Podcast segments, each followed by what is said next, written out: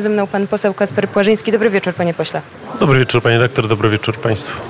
Proszę, pan tutaj jest od kilkunastu minut, ale, ale, ale proszę zdać relację i proszę powiedzieć o tym, czego się, się spodziewać, jakie są informacje, co tutaj e, się może zacząć dziać. Nie wiemy tego, dlatego e, mądrzejsi doświadczeniem dni minionych, czy tak naprawdę dnia minionego, e, staramy się uniemożliwiać działania w oczywisty sposób niezgodny z prawem, czyli osoby, które uzurpują sobie prawo bycia nowymi członkami organów zarządzającymi spółkami medialnymi polskimi. E, żeby nie pozwolić w sposób pozaprawny na przejmowanie e, instytucji bez odpowiedniej legitymacji prawnej. Po to, są, po to nas ustawodawca wiele lat temu wyposażył w takie możliwości jak interwencja poselska, możliwość sprawdzania dokumentów publicznych, również aktów notarialnych, aby z tych instrumentów korzystać. E, a z moich dotychczasowych krótkich doświadczeń wynika, że państwo, którzy zostali przez pana ministra Sienkiewicza wskazali jako te nowe organy, legitymacji po prostu prawnej do tego nie mają. E, I trochę chyba się już tą całą sytuacją wystraszyli swoją drogą, bo ani widu, ani słychu już. E, pan nie słyszy Łukasza Jankowskiego, ale ja go słyszę, więc może on zada pytanie, a ja e, powtórzę, bo na pewno takie do pana posła ma. E, po pierwsze, jakie są warunki brzegowe kompromisu, co Prawo Jakie są warunki kompromisu? rządzących, bo wydaje się, że rządzący poprzez pana Jana Grabca starają się jakieś, jakieś, jakąś formę kompromisu w kierunku pana prezydenta wystosować. E, Jakie są warunki kompromisu i co e, panowie oczekują od strony rządzącej? Mm, Pani redaktor, ale jakiego kompromisu? Ja tu nie jestem żadnym negocjatorem. Ja jestem e, posłem, który no, jest też wybrany do tego, żeby organy władzy publicznej przestrzegały prawa. Od 2016 roku funkcjonuje w Polsce ustawa o Narodowej Radzie, o me- mediach narodowych. Y, Jest ustawa o Polskiej Agencji Prasowej, jest y, ustawa o Krajowej Radzie i Radiofonii i Telewizji.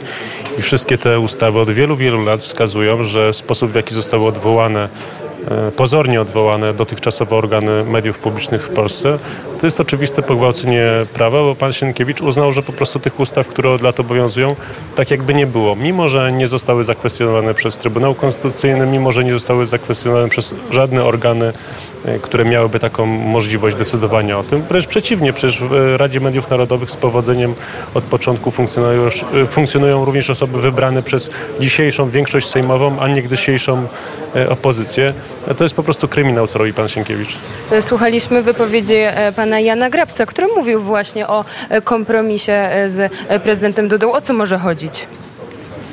No, ja Jak słuchałem, miałby wyglądać taki kompromis? słuchałem dzisiaj pana prezydenta w wywiadzie dla Radio Zetu, pana Bogdana Beremanowskiego i podzielam zdanie prezydenta. Ja tam nie widziałem u pana prezydenta żadnych skłonności do tego, żeby dokonać jakiegoś kompromisu na tle łamania prawa. Ja słuchałem pana prezydenta. Pan prezydent mówił o tym, że jest po prostu otwarty na to, żeby dyskutować ewentualne zgodne z prawem zmiany, to znaczy przygotowanie projektu ustawy, przeprowadzenie go przez Sejm, Senat i ewentualny podpis prezydenta w zakresie e, takiej lub innej reformy mediów publicznych, tak jak to się dzieje, panie redaktor, w bardzo różnych dziedzinach naszego życia. Przecież te ustawy, które wymieniłem, też były reformowane. E, Możemy o tym rozmawiać, możemy o tym dyskutować, ale nie przez kryminalne działania, tylko przez e, działania w Sejmie, w Senacie, tam gdzie wyborcy wybrali nas do tego, żeby o zmianie prawa w Polsce decydować i dyskutować. E, Łukasz Jankowski nas ja- słucha, jeszcze przy- a minął nas... e, Jedno, jedno Tak? minął e, was. Małgorzato, kto was minął, ale dobrze, zanim powiem, kto, kto minął, to jedno pytanie, może to nie jest nietaktowne w chwili, kiedy no, zdaniem większości prawników dochodzi do znaczącej uzurpacji prawa, załamania przynajmniej czterech ustaw, ustawy o Radzie Mediów Narodowych, ustawy o Krajowej Radzie Radiofonii i Telewizji, ustawy także kodeks spółek e, handlowych i ustawy o kodeksie pracy. Te cztery ustawy, zdaje się, w tej chwili są łamane, są zawieszone, w zasadzie ich funkcjonowanie w tej chwili e, w pewnych aspektach e, w świecie medialnym po prostu zdaniem rządu nie obowiązują, bo tak to wygląda, ale jednak za, za, za, zadam pytanie o kształt mediów publicznych, zadam pytanie o to, czy taka reforma jest obiecywana, czy, czy jest oczekiwana i czy, i czy ten kształt, który był, panu posłowi odpowiadał. Panie redaktorze, no ja nie jestem ekspertem od y, mediów ogólnie. E, myślę, że lepszy są od tego fachowcy ode mnie. E, Na pewno trzeba się zastanawiać zawsze nad tym, żeby te media udoskonalać. E, Natomiast nie mam wątpliwości co do tego, że zgoda na łamanie prawa to jest, jeżeli się na to zgodzimy, to będzie po prostu w Polsce anarchia i nie wiemy do czego aktualna większość sejmowa, Donald Tusk, posunie się następnym razem. Być może następnym razem nie będzie panu Tuskowi odpowiadać, nie wiem, ustawa o policji albo ustawa o, o OZE, chociaż to wiemy, że mu nie odpowiada. E, No i wyrzuci sobie te ustawy do kosza, mówiąc, że są jakieś przesłanki stojące za tym, żeby e, nie traktować tych ustaw jako istniejących. No to jest prosta droga do anarchii, to jest podważanie procesu legislacyjnego, tak naprawdę ustrojowego e, Polski.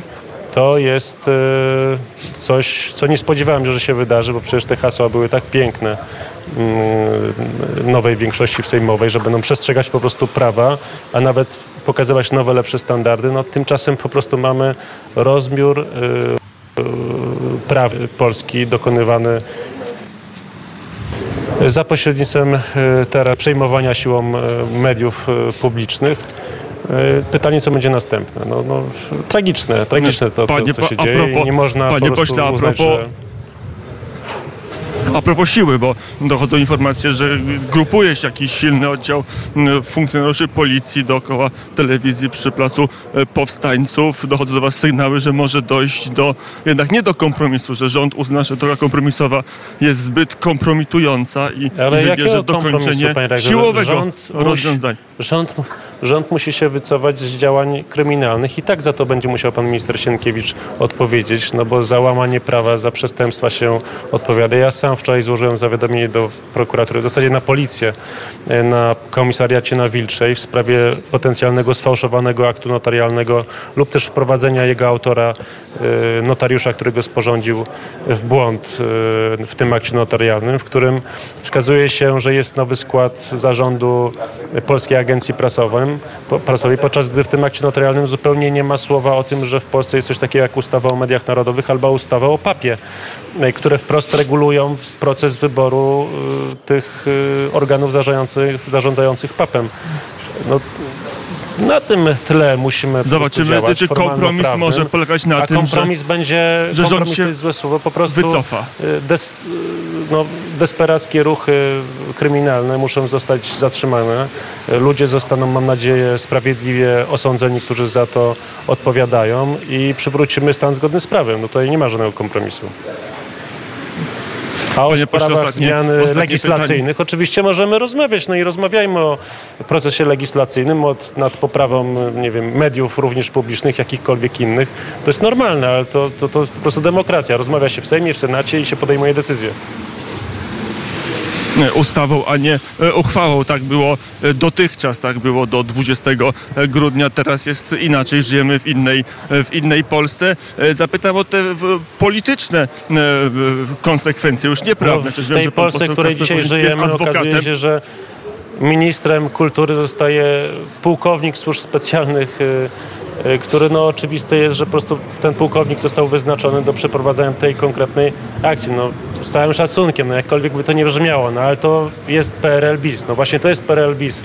Wstawianie pułkownika służb specjalnych na stanowiska ministra, ministra kultury, żeby po prostu dokonał e, pogwałcenia w oczywisty Panie sposób pośle, prawa, o czym nawet mówią ludzie po drugiej stronie nie barykady, byłby po to pan- tylko, żeby uciszyć media, PRL-u nie które by- mogą mówić, mogą być e, krytyczne wobec nowej władzy.